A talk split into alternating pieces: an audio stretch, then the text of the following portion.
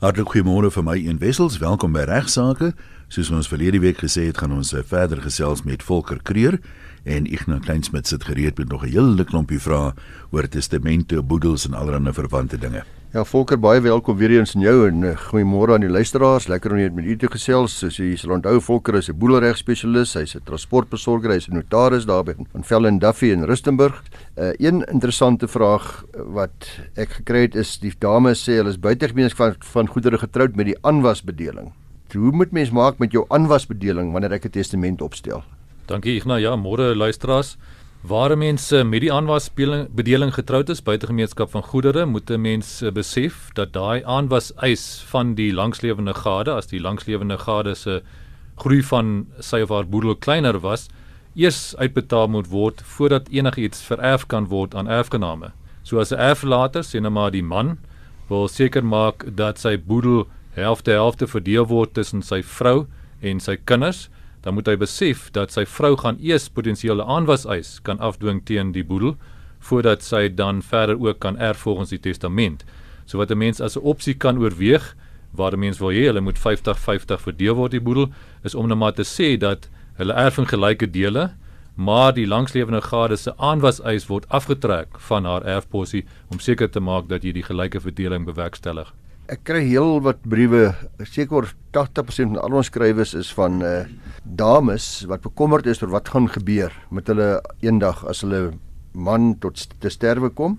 En hierdie dame vra wat is die posisie met boedelbelasting? Sy hoor dat boedelbelasting is soveel geld wat 'n mens beskikbaar moet hê om te betaal. Is dit betaalbaar deur 'n langslewende gade as die langslewende gade alles erf? Ek gaan ja, daar's goeie nuus waar die langslewende gade alles erf, is daar geen boedelbelasting hoegenaamd betaalbaar nie, ook nie gelukkig kapitaalwinsbelasting wat deesdae ook nogal 'n groot kopseer is in baie gevalle. Die effek van kapitaalwinsbelasting word uh, al hoe groter. So gelukkig hoef 'n langslewende gade nooit daaroor bekommerd te wees nie. Die uh, boedelbelasting en kapitaalwinsbelasting kom eers te sprake nadat die langslewende gade dan tot sterwe gekom het. Ek het 'n dame met die naam van Charlotte, ek gaan nou nie haar van noem nie, alhoewel sy nie anoniem vra om te wees nie. Sy sê dat feitelik al hulle bates is in 'n familietrust. Sy en haar man se familietrust en sy sê sy en haar man is trustees saam met hulle ouditeur. Maar sy is baie bekommerd uh, as ek daai hele brief lees ter want haar man en haar ouditeur sê sy is goeie vriende, sy wil beskerm, sy wil ook haar kinders beskerm, behoorlik beskerm en sy wil weet of sy in haar testament kan sê wie haar moet opvolg as trustee. Maar sy wil seker maak daar's daarom iemand daar bates ook gaan kyk of haar deel van die trust soos sy dit beskou. Ek gaan ja, dit sal afhang van wat die betrokke trust akte bepaal.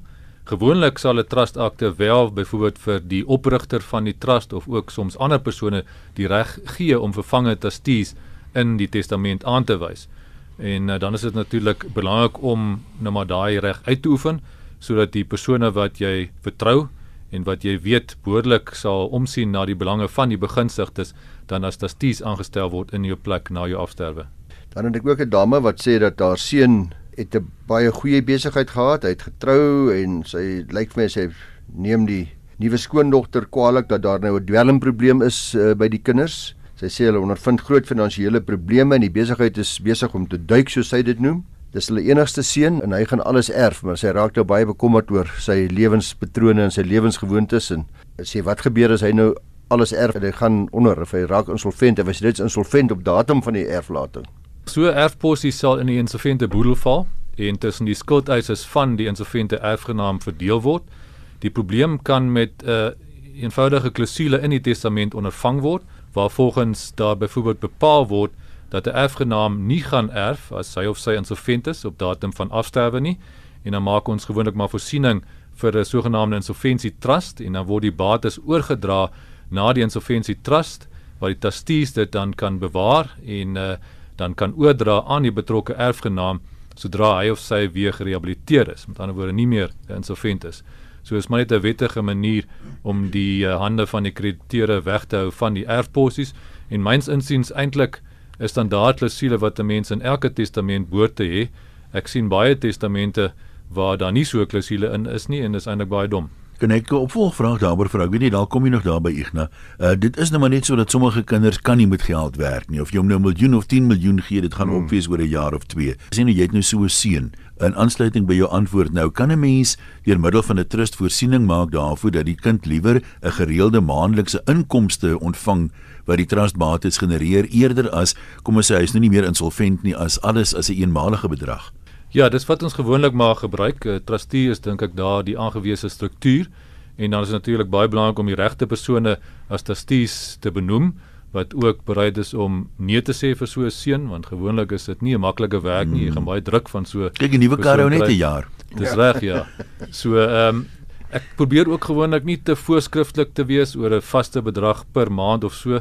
Liewers probeer ek om die regte persone as trustees aangestel te kry wat dan na aanleiding van omstandighede op daai stadium die regte dinge kan uh, doen vir die begunstigdes van die trust met ander woorde die regte bedrag per maand beskikbaar stel voertuig aan te koop as dit regtig nodig is en so meer. Volgens 'n aanleiding van daardie vraag, kom ons kom ook by minderjarige kinders. Ons doen nou net die spandaalberige uh, volwasse kinders nie, maar ek wil graag hê ek my elke klein kind moet 'n kontant bedrag erf of ek wil hê my klein kinders moet eendag die plaas erf of wat ook nogal enige aansienlike bate erf kan ek dit direk aan hulle bemaak? Is dit goeie advies?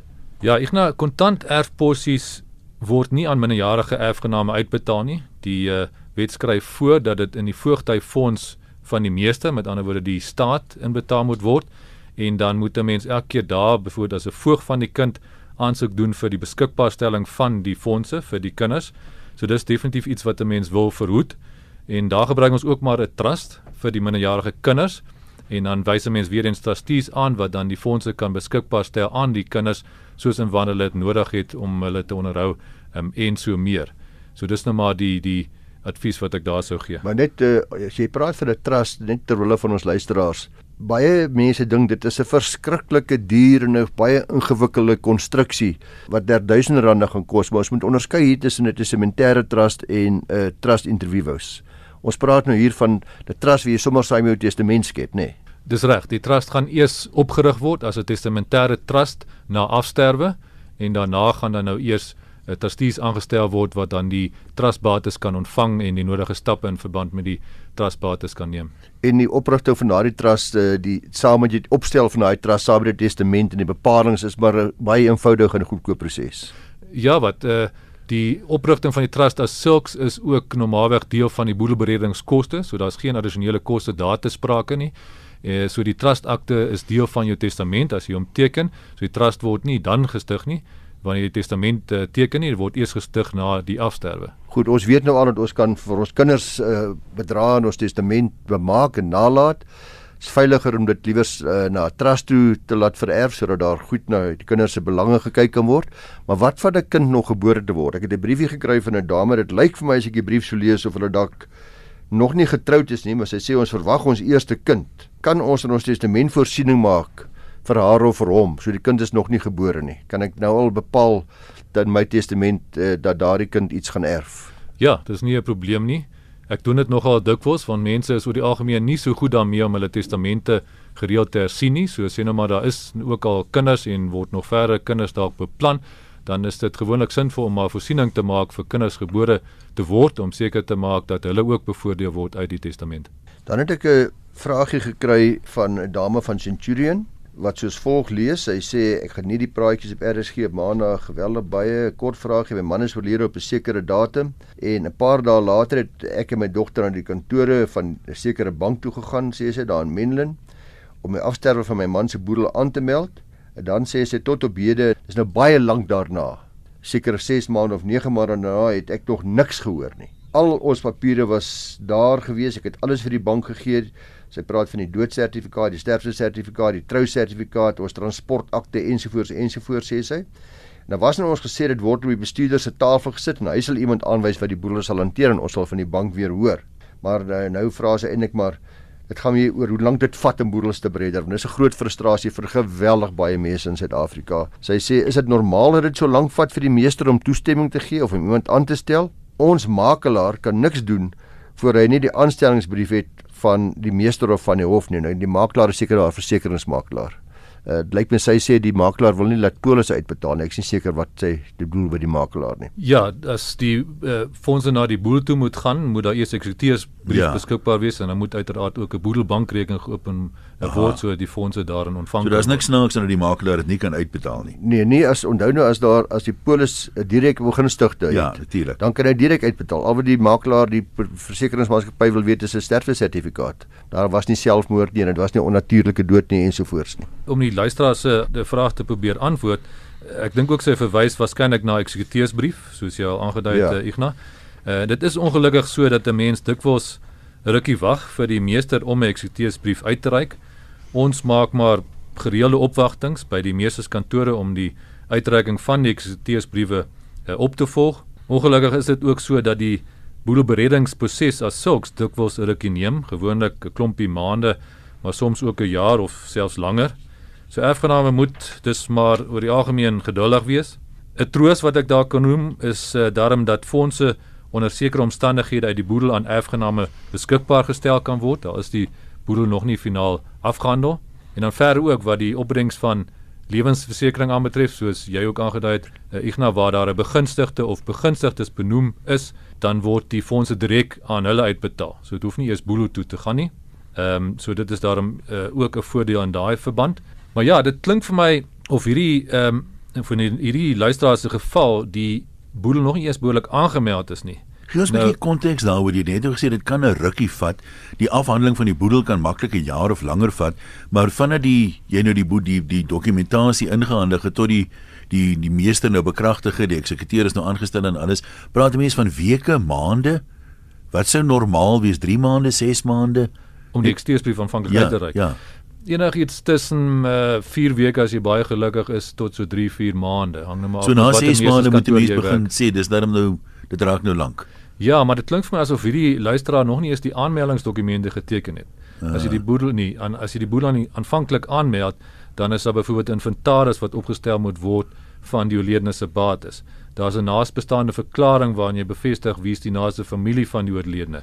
Daar's 'n sterfkennis wat geteken moet ja. word. En as ek die brief reg verstaan, dan het dit nog nie eers gebeur nie. So jy het net bank toe gegaan en 'n klomp dokumente daar vir 'n bestuurder gaan gee. Dit nog ja, nie verder en, geteken nie. Om daai aanmeldingsdokumente op te stel is eintlik iets wat dadelik behoort te gebeur, gebeur op dag of 2 en dan behoort die relevante persoon te teken en dan moet dit nou afgestuur word na die ja. meester. So as dit dan 'n rukkie vat, dan kan 'n mens dit verstaan want dit is tot 'n groot mate buite jou beheer. Maar as die aanmeldingsdokument as sulks nog nie eens afgehandel is nie, dan is dit natuurlik baie teleurstellend. Ek het 'n laaste vraagie van jou nee, vir ons net om te sê dat die antwoord in hierdie dame is natuurlik daar's iets fout. Die feit dat daar nog niks weer van die bank se kant af gekom het nie, beteken uh, dinge loop nie reg nie en sy sal dringend moet teruggaan na die bank toe, moet gaan seker maak en gaan aandring op 'n antwoord en hoor wat het hulle sover gedoen en dan uh, is daar natuurlik ook metodes om die bank te probeer versoek om dalk liewers afstand te doen van hulle eksekuteurskap en dan iemand wat u ken en wat u vertroue in het soos 'n 'n prokureur dalk aan te stel as 'n uh, eh, of iemand anders wat jy wil graag aanstel. Net op daai noot miskien 'n hele laaste vraag. Jy kry hoor soms dat die mense het nou al die papiere soos die publiek maklik praat, al die dokumentasie. Maar nou is daar nou 'n fout gekom met die administratiewe proses is daai papiere dikwels verlê Niemand kan nou hulle hande daarop lê nie. Kan 'n mens dit voorkom deur byvoorbeeld seker te maak jy het gesertifiseerde afskrifte van dokumentasie waar moontlik dat as dit sou weggeraak by die bank, jy die goed steeds het om dit vir iemand anders te gee? Ja, ek dink dit sou wys wees om maar afskrifte te hou van alles wat jy ingee by die bank. Maar weer eens eintlik behoort dit nie te gebeur nie. Ek bedoel ja. in die aard van die saak sou mens verwag dat uh, belangrike dokumente behoorlik bewaar word en dat dit nou nie nodig is om afskrifte te maak nie, maar om veilig te speel is dit dalk 'n goeie idee. Volker as ek oor die afgelope 10 jaar 10 of 50 briewe gekry het, is dit min van mense wat kla omdat die bank as eksekuteur aangestel was en dan weier om die boedel te bereder. Wat wat gebeur daar en hoe werk dit? Kan kan 'n mens weier om eksekuteur te wees waar jy behoorlik in 'n testament aangestel is? En wat is dan die proses daarna? Jy kan weier en uh, as jy dan afstand doen van die benoeming, dan uh, gaan 'n mens 'n ander proses moet volg waar erfgename 'n uh, eksekuteur benoem in plaas van die een wat in testament aangewys word. Die afstanddoening moet dan ook by die meester ingedien word tesame met die benoemings. Ek moet sê ek uh, kry dit nogal ook gereeld dat uh, banke basies afstand doen. Hulle doen dit gewoonlik as daar nie 'n onroerende eiendom in die boedel is nie. As daar nie genoeg geld in die boedel is om geld, goeie geld te maak met ander. Dis reg ja en ek moet sê dis baie keer ek moet seker versigtig wees wat ek sê maar nogal teleurstellend vir my as die bank daai houding inneem as 'n mens die persoon gehelp het met sy testament en die eksteursbenoeming uiteraard aanvanklik aanvaar het toe die testament geteken is, dan dink ek moet 'n mens die boedel bereder of hy nou groot of klein is, 'n mens moet sorg dat 'n mens die familie help want as daar afstanddoening is en 'n ander eksteur moet benoem word, dan is daar gewoonlik ook aanvanklike vertragings wat die beredingsproses dan uh, langer laat vat. So ehm um, ek dink dis dalk nie die regte houding om in te neem nie. Uh, aan die ander kant is daar uitstekende trustmaatskappye, daar's uitstekende maatskappye wat ook beredering doen, uh, nie net prokureurs nie, maar ek uh, beveel altyd vir my kliënte aan om asseblief maar en dis gaan nie hier daaroor dat die program aangebied word in samewerking met die prokureursorde nie. Dit gaan hier oor die gerusstelling wat mense het dat jy weet met wie jy gaan praat na die tyd. Volker ek het 'n brief gekry, is 'n ongelukkige lang e-pos van 'n luisteraar. Gaan oor die vraag of sy 'n familietrust moet registreer. Ek gaan net vinnig vir jou 'n paar hoofde hoof, uh, hoogtepunte gee van wat sy sê, belangrikste punte. Sy is 'n 64-jarige afgetredene. Sy sê sy het 44 jaar diens gedoen as verpleegkundige. Sy het 'n belegging van ongeveer 'n miljoen rand en nog omtrent 'n half miljoen rand in 'n spaarplan. Sy het geen skuld nie. Sy het 'n huis van 2 miljoen rand werd. Sy kry nog steeds 'n maandelikse pensioen. Sy het dit 'n lewensmaat wat sy baie lank mee saam bly. Uh, sy is eers so 4 jaar gelede met hom getroud sy het ook 'n pensioenbelegging van 1 miljoen rand waaruit sy sekere rentetjies kry. Hulle motors is klaar betaal. Alles wederzijds die enigste erfgename vir mekaar is dat tot af tot sterwe kom. Sy sê sy het nie nodig om haar beleggings te gebruik nie, dit lê net daar want uh, sy spaar ook maandelikse bedrag van X rand wat sy elke maand spaar. Sy sê 'n finansiële persoon, ek neem aan dis nou 'n uh, finansiële makelaar, het gesê sy moet 'n trust rekening oopmaak. Sy bedoel natuurlik sy moet 'n trust stig. En sy sê Hy beweer daar's baie voordele wanneer dit kom by boedelbelasting. Nou wil sy weet, wat is die voordele? Wat wat is jou advies? Ja, ek nou die luisteraar moet myns insiens verskieslik volledig met 'n prokureur of ander spesialis konsulteer sodat die alle feite en omstandighede behoorlik kan oorweeg en haar kan adviseer. Op grond van die feite wat sy verskaf, is dit uh, egter myns insiens nie sinvol vir haar om 'n trust te registreer nie. 'n Trust het wel in sekere omstandighede boedelbelastingvoordele, maar onthou dat die primêre korting 3,5 miljoen rand is vir boedelbelasting doeleindes. Dis net as die netto waarde, bates minus laste, meer as as die 3,5 miljoen rand is daar boedelbelasting betaalbaar en wel teen 20% van die bedrag wat die 3,5 miljoen rand oorskry. Die uh, primêre korting baie belangrik word ook verhoog na 7 miljoen rand in die langslewende gade se boedel waar die langslewende gade alles van die eerstervende gade geërf het. Soos in 'n geval, hulle sê hulle wederzijds erf ja. Dis korrek. So ou kan maar na aanleiding van daai syfers jou sommetjies maak ja. mm. om te sien of daar regtig 'n boedelbelastingprobleem gaan wees. So dit is eintlik vir getroude persone met 'n netto boedel, boedelwaarde van onder 7 miljoen rand of vir ongetroude persone met 'n netto boedelwaarde van onder 3,5 miljoen rand selde die moeite werd om regtig na 'n familietrust te, te kyk net vir boedelbelasting doeleindes. Dan mag natuurlik ander goeie redes wees om wel met 'n familietrust te werk. Maar die trust het ook hoër kapitaalwinsbelasting probleme in elk geval, nê, nee, afgesien van die die registrasie van die trust self wat ook geld kos. Dis korrek. Uh so behalwe vir die koste om die trust te registreer, kapitaalwinsbelasting koers wat hoër is, is daar ook maar kostes te sprake om bates oor te dra na die trust. Dis ook nie 'n goedkoop proses nie. So dit moet 'n mens ook in gedagte hou en dis gewoonlik eintlik maar die grootste struikelblok en ek dink ook vir hierdie luisteraar gaan dit die grootste probleem wees, daai koste om die bates oor te dra na 'n trust toe.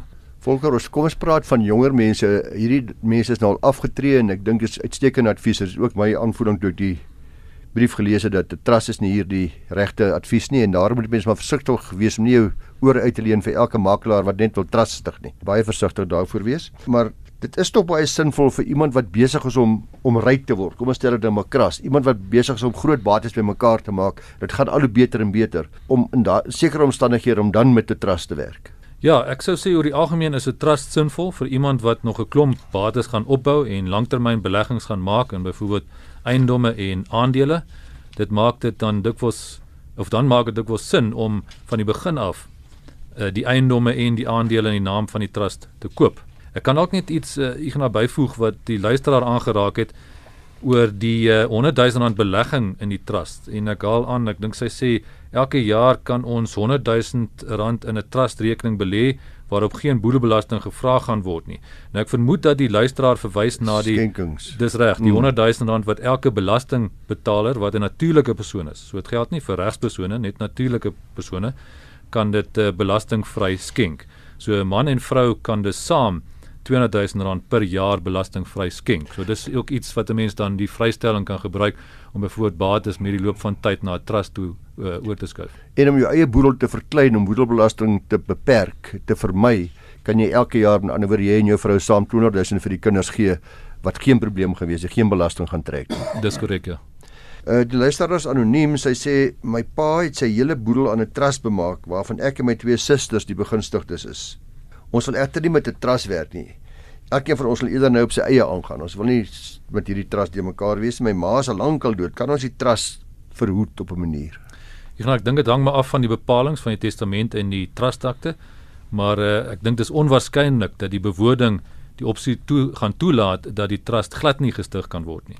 So die ja. ander opsie sou nou maar wees uh dat die trustees die kapitaal en die inkomste ontvang en dan so gou as moontlik uitkeer aan die begunstigdes wat hulle eintlik weer eens net gaan kan doen as die trustakte dit uh, toelaat. So ou gaan behoorlik na daai testament en trustakte se bewoording moet kyk om uh, advies te kan gee. Dan sê ook 'n interessante s- vraag. Sy sê my pa het ook gesê my een suster kan vir 5 jaar in die huis bly. Nee, moet in die huis bly vir 5 jaar voordat daai huis verkoop mag word. Is dit afdwingbaar? As uitgangspunt is enige voorwaarde wat 'n erflater koppel aan 'n vererwing afdwingbaar behalwe as dit nou teen die openbare belang is of byvoorbeeld teen die grondwet is, soos byvoorbeeld 'n bemakingsprys, 'n vruggebruik of 'n fideikommissum. Uh, uit die aard van die saak kan 'n mens nou nie 'n uh, voorwaarde koppel aan 'n bemaking wat uh, uh, die pleeg van 'n misdaad uh, voorskryf nie. So uh, ja, ek sou egter dink dat hierdie voorwaarde van die uh, 5 jaar in die huis moet bly wel in beginsel uh, afdwingbaar gaan wees. Hmm. Die enigste hoop wat die luisteraar dalk het is om op die wet op die opheffing van wysiging van beperkings op onroerende goed. Uh, ek dink dit is 94 van 1965 staat te maak om byvoorbeeld aan te toon dat die omstandighede verander het, dat sy byvoorbeeld siek is of geëmigreer het en dis nie in die huis kan bly nie en dan gaan die hof dalk wel bereid wees om daai voorwaarde te skrap. Net net 'n laaste dingetjie daar. Sy sê ook haar suster is baie ongelukkig. Dis hoe die sussie wat nou vir 5 jaar moet aanbly, moet aanbly. Omdat die testament bepaal ook dat hulle huiswerker wat lank vir gewerk het vir haar pa ook in die huis moet saam aanbly vir 5 jaar. Nou sy wil nie saam met die vrou bly nie, sê sy. Ja, ek dink uh, daar gaan 'n mens ook moet kyk of 'n mens met daai wet kan regkom, maar uh, waarskynlik gaan hulle maar moet uh, vrede maak daarmee dat dit uh, uitgevoer moet word of hulle kan dalk ooreenkom met die bediende dat sy afstand afstand doen van die bevoordeling en 'n mens kan dalk kyk na 'n redelike vergoedingsbedrag wat 'n mens vir die bediende kan gee. Ehm um, so ja, dit is uh, waarskynlik die alternatief wat die maklikste gaan werk. Oor die algemeen probeer ek regtig nogal kliënte te oortuig om nie uit die graf uit te regeer nie. Uh, dit kan hmm. regtig baie kopseere veroorsaak vir 'n uh, familie en erfgename. Hmm. Laat dit maar liewes oor aan hulle om na aanleiding van omstandighede op daai stadium aan te gaan met hulle sake soos hulle wil. Ja, Almal van ons as jy nou terugkyk 5 jaar in jou eie lewe, die laaste 5 jaar het daar goed gebeur wat jy nie toe kon Nee, voorsien nie, jou omstandighede presies. verander. Dit het toe gelyk na 'n goeie idee, maar jy ontmoet dalk iemand, jy wil trou, jy kry 'n werkgeleentheid op 'n ander plek, maak nie saak wat nie en nou sit jy. Volker baie kortliks. Ek wil al lankal uit vir jou vra daar by die kantoor en vergeet elke keer. Dit is uh, terwyl ons nou van trust praat, uh, daar's in die pers berig redelik wyd oor die feit dat Henry van Breda nie van sy ouers sal kan erf nie, want hy's nou skuldig bevind aan moord op hulle. Maar dat hy wel uit hulle familie trust bevoordeel sal kan word. Iets daar pla my, stem jy saam? Ja, ek nou ehm um, dis baie interessante saak uit die aard van die saak. 'n Relevante beginsel kom uit die Romeins-Hollandse reg en dit lui dat 'n bloedige hand neem geen erfenis. Nou daarvolgens mag niemand of mag iemand wat byvoorbeeld sy ouers vermoor het, nie van die ouers erf nie. So die idee is dat jy nie deur jou eie misdaad verryk mag word nie. Die erfgenaam is dus outomaties gediskwalifiseer. Maar hierdie beginsel geld nie outomaties by trust nie. Dit hang af wat die trustakte van die pedaas dus bepaal. Nou normaalweg sal die trustakte van 'n diskresionêre familietrust nie so beletsel bevat nie. Dit sal uh, dan in so 'n geval afhang van wat die trustees van die trust van die pedaas besluit. Dit wil sê gaan hulle nog steeds vir Henry bevoordeel in die lig van die moord of nie. Dit moet 'n moeilike besluit wees, né?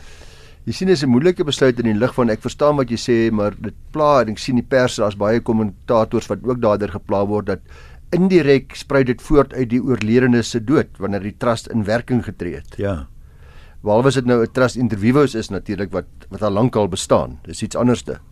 Uh maar 'n testamentêre trust, ek weet nie ons praat nou hier van 'n trust interviews, maar in die geval van 'n testamentêre trust wat ontstaan as gevolg van dood en die voordeel dan ontstaan. Uh voel dit vir my of dit uh, dieselfde negatiewe gevolg moet hê as wat 'n gewone bemaking is. Ek dink nie ons gaan tyd hê vir uh, meer nie. Uh, Volker, wil jy dalk kontak besonderhede gee ten slotte? My e-posadres is volker@ffd.co.za, V O L K E R by ffd.co.za. Baie dankie dat jy saamgeluister het na vandag se regsaake. Volgende maandag gesels ons weer.